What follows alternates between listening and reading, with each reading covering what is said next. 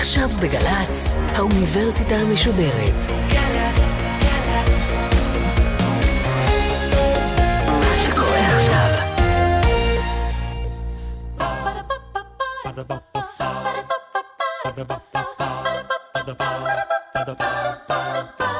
חמישים שנה למלחמת ששת הימים. האוניברסיטה המשודרת במהדורה מיוחדת על הזירה התרבותית במלחמה ששינתה את פני המדינה. והפעם קובי מידן בשיחה עם הדוקטור תום שגב, היסטוריון ומחבר הספר 1967, והארץ שינתה את פניה.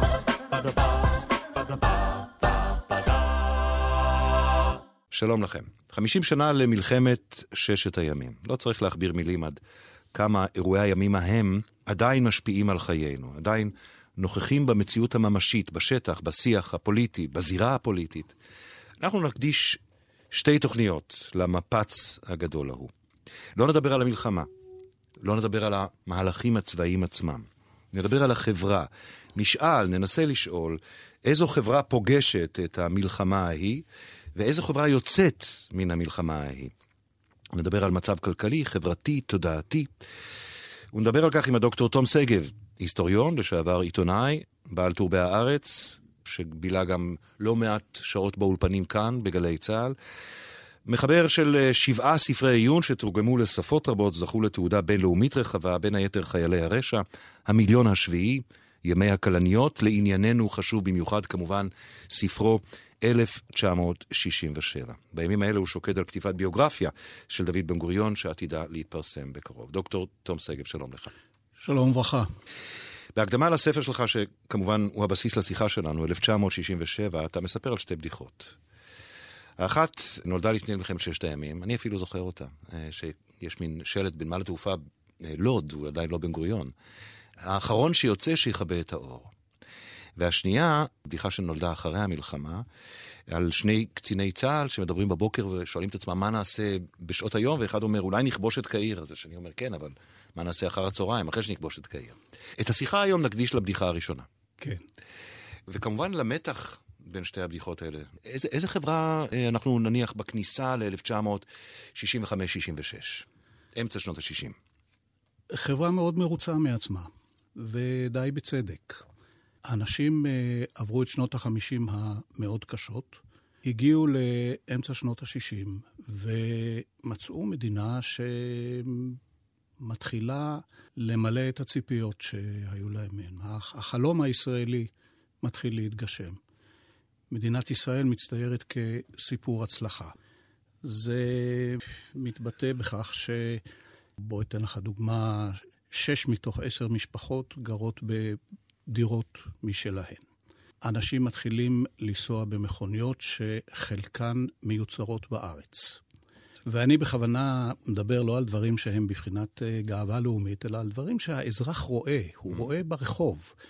הוא יכול לקרוא במעריב תחזית שישראל תפתח תוכנית חלל משלה. וזה בטח מרשים את מי שמרשים, אבל אני חושב שזה מרשים פחות מהתחושה ש... הכלכלה פורחת, אין אבטלה, והכל יכול להיות רק טוב יותר. מילא, אנחנו עוד ניצולי השואה, אנחנו עוד אה, באנו מ... כפליטים מארצות ערב, אבל לילדים יהיה יותר טוב. היה מין אקסיומה כזאת. וזה התחיל להיראות כך. ב-1966, למעלה מ-150 אלף ישראלים נסעו לחוץ לארץ. מתוך uh, כמה, כמה אנשים היו אז בארץ? היו שניים וחצי מיליון שזה uh, אחוז תושבים. לא קטן? זה, זה אחוז לא קטן? אחוז לא קטן. 150 אלף איש מסתכלים טלוויזיה שעוד לא קיימת. אין שידורי טלוויזיה ב-65, אבל אנשים קנו מקלטי טלוויזיה, כי הם הוצאו למכירה. ראו כל מיני שלג, לפעמים ראו קצת קפריסין, לפעמים ראו uh, שידורים מארצות ערב. הסטטיסטיקה הראתה להם שמאז הקמת המדינה, רמת החיים הוכפלה בארץ. פי שניים יותר טוב. עכשיו, אלה הסיבות העיקריות לכך שמצב רוח היה טוב, הייתה תקווה, הייתה אמונה במדינה. וזה קיבל ביטוי גם נורא מעניין, למשל בארכיטקטורה. התחילו לבנות לגובה. ב-66' בנו בבאר שבע בניין בין 14 קומות. בקריית שזה... אליעזר בחיפה, 20 קומות. בבורסת היהלומים ברמת גן, 27 קומות. בתל אביב, מצפה שלום, 34 קומות. זה דבר שרואים אותו. זה לא סטטיסטיקה. גם הוכרז כמבנה הגבוה ביותר במזרח התיכון. מגדל שלום בשעתו, כן. כן. עכשיו, אם אתה רוצה עוד בתחום ההכרזות שעושות לנו כיף פטריוטי, אבל היה מבחן בינלאומי של מדינות. ישראל זוכה במקום ראשון במתמטיקה. הייתה פריחה תרבותית גדולה מאוד, שגם קיבלה הכרה בינלאומית. התזמורת הפילהרמונית הישראלית אירחה את גדולי המוסיקאים בעולם. גדולי אנשי התרבות באו לבקר בישראל. כל בן אדם מהיצ'קוק ועד ז'אן פול סארטר. כולם באו, כולם התפעלו. ש"י עגנון קיבל פרס נובל. זה דבר שהוא לא מובן מאליו. אז גם הדברים שמשפיעים על חיי היומיום, וגם הדברים האלה שקורים לנו, הם יוצרים אווירה טובה. העניין שלך בזווית הראייה של הפרט, ובחוויה של הפרט גם הוביל אותך למתודולוגיה שאומנם ידועה בין היסטוריונים, אבל עדיין יש בה מן הייחוד, אתה בודק הרבה גם מכתבים פרטיים שאנשים שלחו. נכון, נכון.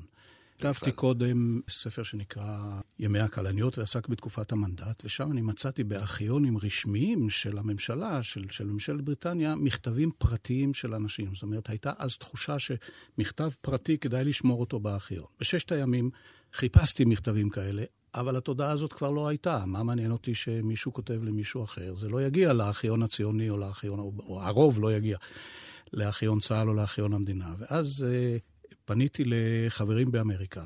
אמרתי להם, אתם כבר חיים הרבה שנים באמריקה, חייתם פה ב-67, בוודאי קיבלתם מכתבים מאנשים, אני מחפש מכתבים אה, מיוני 67, שקיבלתם מקרובים וחברים בארץ. תעלו לעליית הגג, תרדו למרתף, תפתחו מזוודות, תחטטו בארגזים, תמצאו לי מכתבים. והצלחתי לאתר כ-500 מכתבים כאלה. ותחושת המעבר הפתאומי הזה מהרווחה לייאוש היא מאוד מאוד בולטת שם. ומי היא מדינת ישראל? מיהו הציבור הישראלי ב-1965-66? מן הסתם אה, רובם אשכנזים. אבל ב-1966 גם מתחוללת המהפכה החברתית הכי משמעותית, אני חושב, בתולדותינו, והיא שבבת אחת האשכנזים מאבדים את הרוב. ככה שכשאתה מדבר על החברה הזאת, זה כבר אי אפשר להתעלם. המזרחים, או כפי שקראו להם אז אה, עדות המזרח, הם אה, כבר אז הדפוקים. אלה אנשים שאין להם דירות אה, משלהם, אלה אנשים שרמת החינוך שלהם היא נמוכה יותר, אלה אנשים שמעטים מהם עושים תעודות בגרות, כך שהפער הזה הוא כבר קיים. זה קרה קודם כל מפני ש... הייתה בממסד, זאת גם כן מילה שאז נכנסה לשימוש, תחושה שבעצם אנחנו לא רצינו אותם. התנועה הציונית בעצם לא רצתה אותם. זאת התקופה, אמצע שנות ה-60, על סף מלחמת ששת הימים. כל כך מוקדם. שא', יש מודעות, וב', הרוב הדמוגרפי עובר למזרחיים. כן. ומה מצבם של ערביי ישראל באמצע שנות ה-60? מצבם רע מאוד. נשארו בארץ בערך 180 אלף אה, ערבים. אולי קצת פחות, חלק הצטרפו אחרי כן. בן גוריון תמיד הבטיח להם שוויון זכויות. הוא אה, התבטא לא פעם שאם אה, כתוצאה מהבחירות ייווצר צורך שיכהן בישראל נשיא מדינה ערבי, הוא יקבל. אם יהיה צורך בראש ממשלה ערבי, הוא יקבל. הכל לפי החוק, שוויון מוחלט. והשוויון לא ניתן להם. הם קיבלו אזרחות ישראלית, מה שאומר שהם יכולים להשתתף בבחירות לכנסת, הם יכולים להיבחר לכנסת, והם אכן השתתפו ואכן אה, נבחרו, אבל אה, רובם היו נתונים תחת ממשל צבאי. מגבלות אה, קשות מאוד, שוב, אני חושב על חיי היומיום של ערבי ישראלי. כל אימת שהוא רוצה לצאת מכפרו, בין אם כדי לחפש עבודה, בין אם כדי לראות רופא, בין אם כדי להשתתף באיזה שמחה, בין אם uh, לצאת להלוויה. הוא צריך לעמוד בתור אצל המושל הצבאי ולקבל uh, היתר יציאה.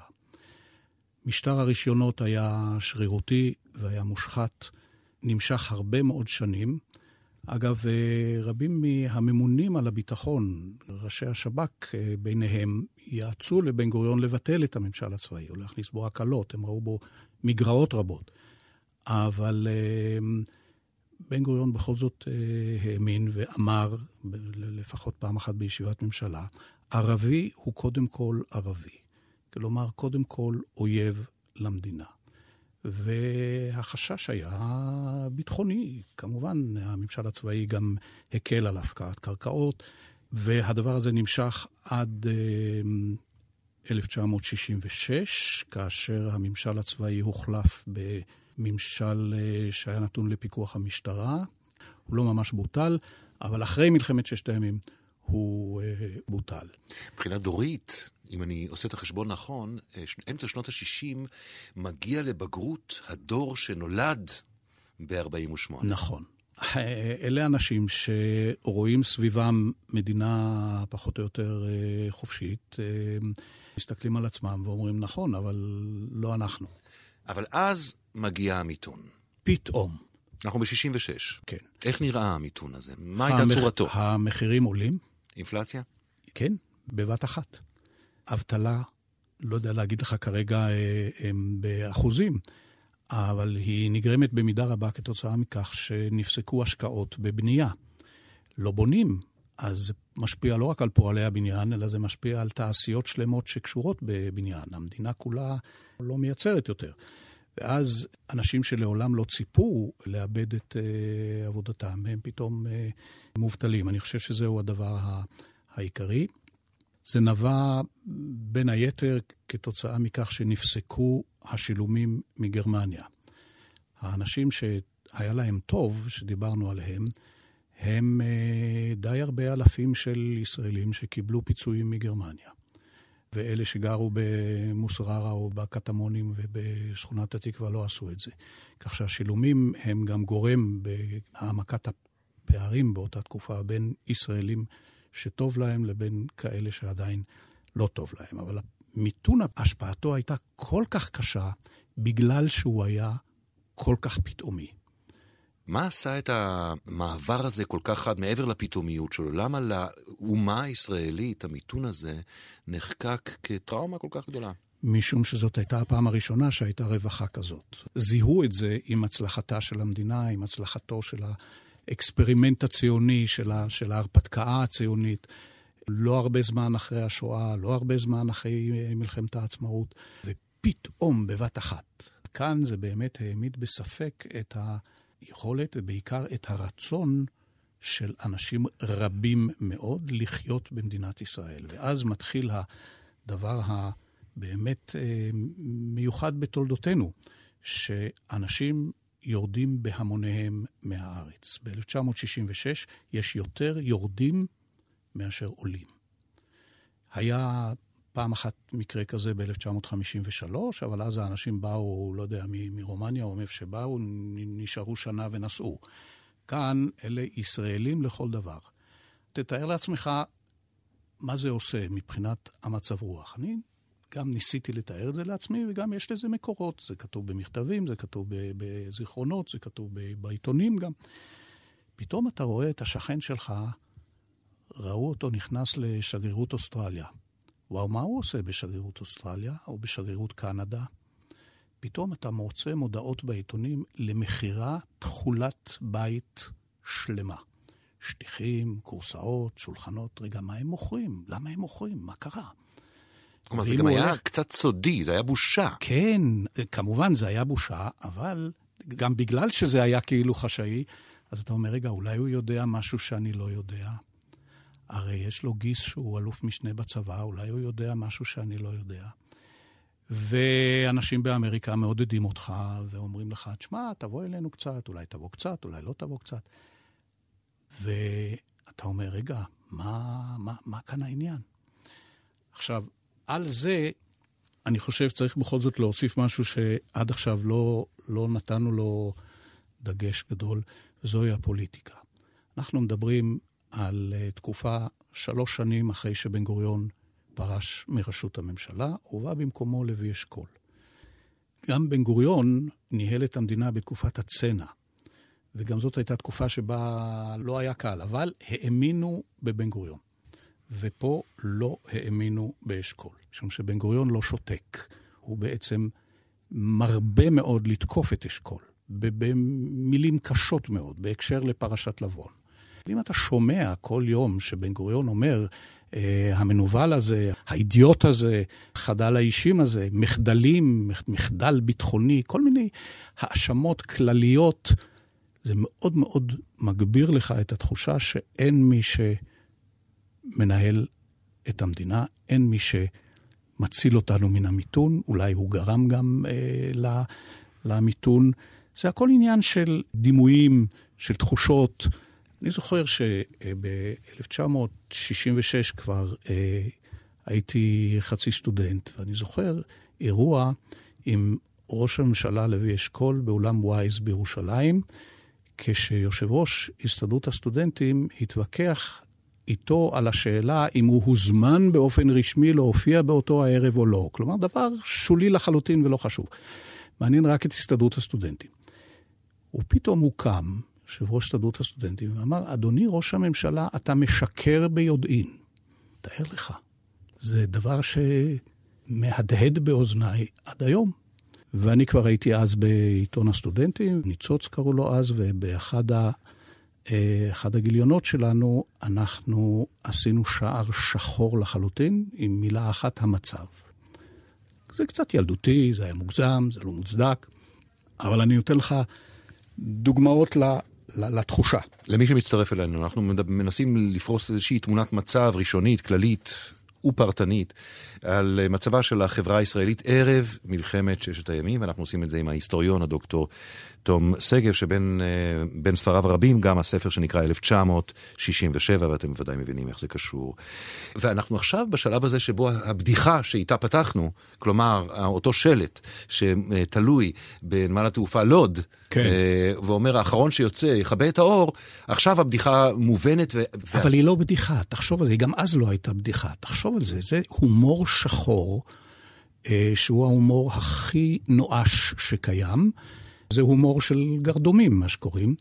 והיחס לראש הממשלה הוא גם כן מאוד מאוד אה, אכזרי, מפני שאין בעצם דבר נורא יותר שאתה יכול לעשות לפוליטיקאי מאשר ללעוג לו. ולעגו לו, יצאו בדיחות אשכול, ספרון קטן ואחר כך עוד אחד. כמה הוא פשרן וכמה הוא הססן, ואנשים התחילו להגן על עצמם באמצעות הומור. אה, הרבה מהבדיחות עסקו באמת בהססנות, בחוסר כן. היכולת להחליט, כן. והדוגמה הכי טובה לזה הייתה חצי תה, חצי קפה. כלומר, אם שואלים את אשכול מה הוא רוצה לשתות, חצי תה, חצי קפה, כי גם כאן קשה לו להחליט. נכון. צא כן. ולמד, מה הוא יעשה עם למשל האירועים הביטחוניים שמתחילים אמת, להתחולל אז. אמת, והוא לא חשב שזה מצחיק. אלה דברים שהם... באמת אה, משקפים איזו מועקה נואשת, כבר הייתי אומר. אני רוצה להמשיך ובעצם אה, לעשות אילוסטרציה על התזה הבסיסית שלך, והיא, אם אני מבין נכון, שהמעבר החד מהאופוריה הכלכלית, החברתית שתיארנו בתחילת השיחה שתיארת, אל המיתון הפתאומי והחריף הזה, תרם לכך שמלחמת ששת הימים בכלל נולדה. אבל כדי לחבר את הקו הזה אנחנו צריכים לדבר קצת על התהליכים הביטחוניים והאירועים הביטחוניים בחודשים ובשנה-שנתיים שקדמו למלחמה. התהליך לפי דעתי הוא מאוד פשוט. כפי שציינת שהתבגר בישראל אה, דור של אה, צעירים, התבגרו גם בין הפלסטינים. אה, התבגר דור שהתחיל להילחם. והם ביצעו פיגועים בשטח ישראל. נפגע ישראלי לפחות פעם בשבוע, נהרג בטח פעם בחודשיים.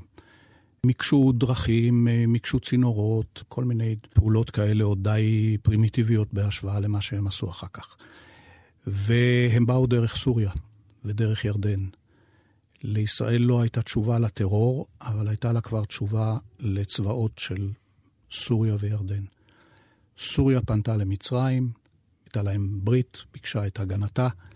מצרים נחלצה להגנתה של סוריה, אה, סגרה את אה, מצרי טיראן, ודרשה שכוחות האו"ם שישבו בעזה יפנו אותם, ולפתע פתאום עמדנו מול צבא מצרים. כלומר, בגלל ההצטברות של האירועים הביטחוניים, אה, בגלל חוסר הביטחון, בהנהגה וכולי, ישראל אה, מתחילה לגבות מחיר לא מארגוני טרור, כי אין כתובות, אלא מהמדינות כמו סוריה, כן. שמהן מגיעים המפגעים. נכון. זה מה שמעצים נכון. את המתח האזורי. ובכל זאת, אה, מבחינה היסטורית, אני חושב, נכון לראות במלחמת ששת הימים המשך ישיר למלחמת העצמאות של 48', כי הגורם היה פלסטיני.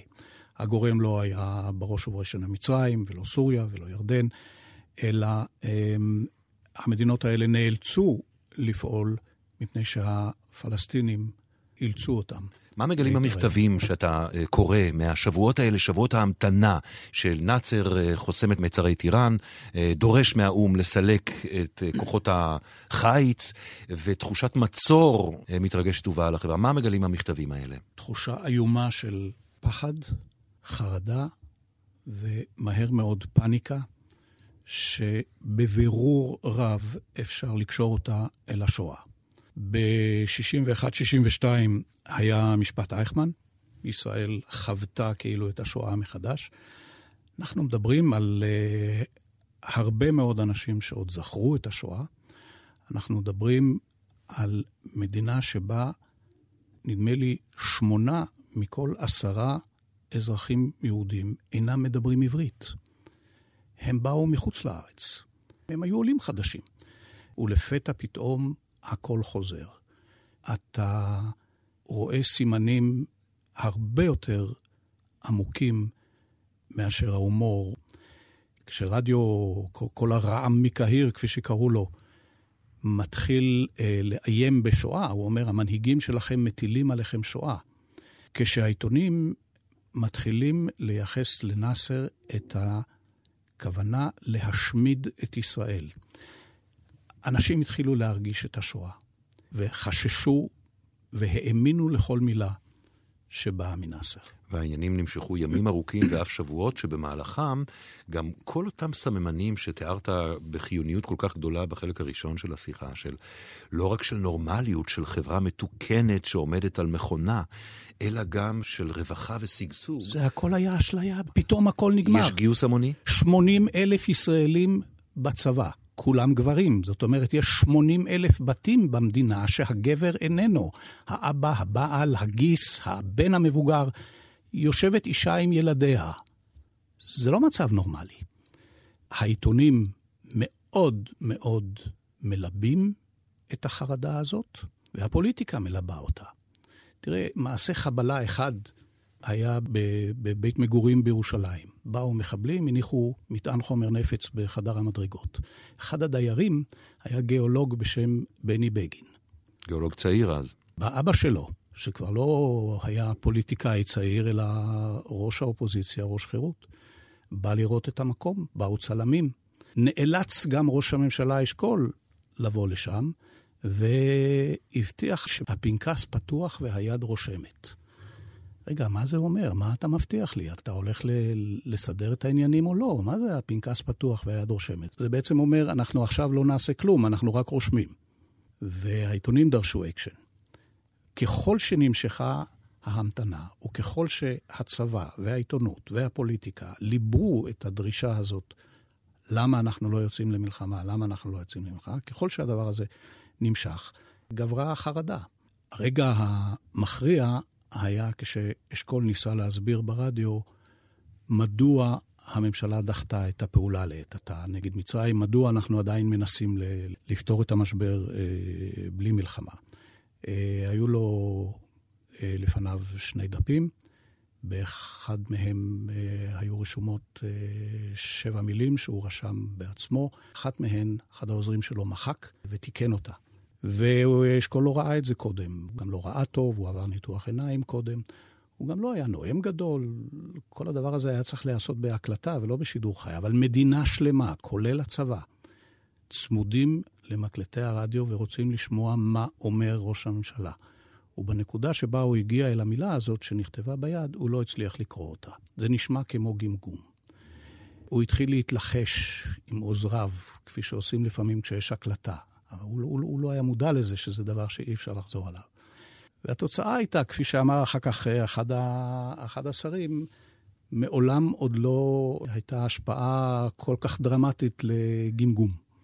ההשפעה הייתה שאשכול לא יכול היה להמשיך בתפקידו כשר הביטחון, משום שהמערכת הפוליטית כולה התייצבה נגדו, ובסופו של דבר התוצאה הייתה שישראל אה, החליטה לצאת למלחמה.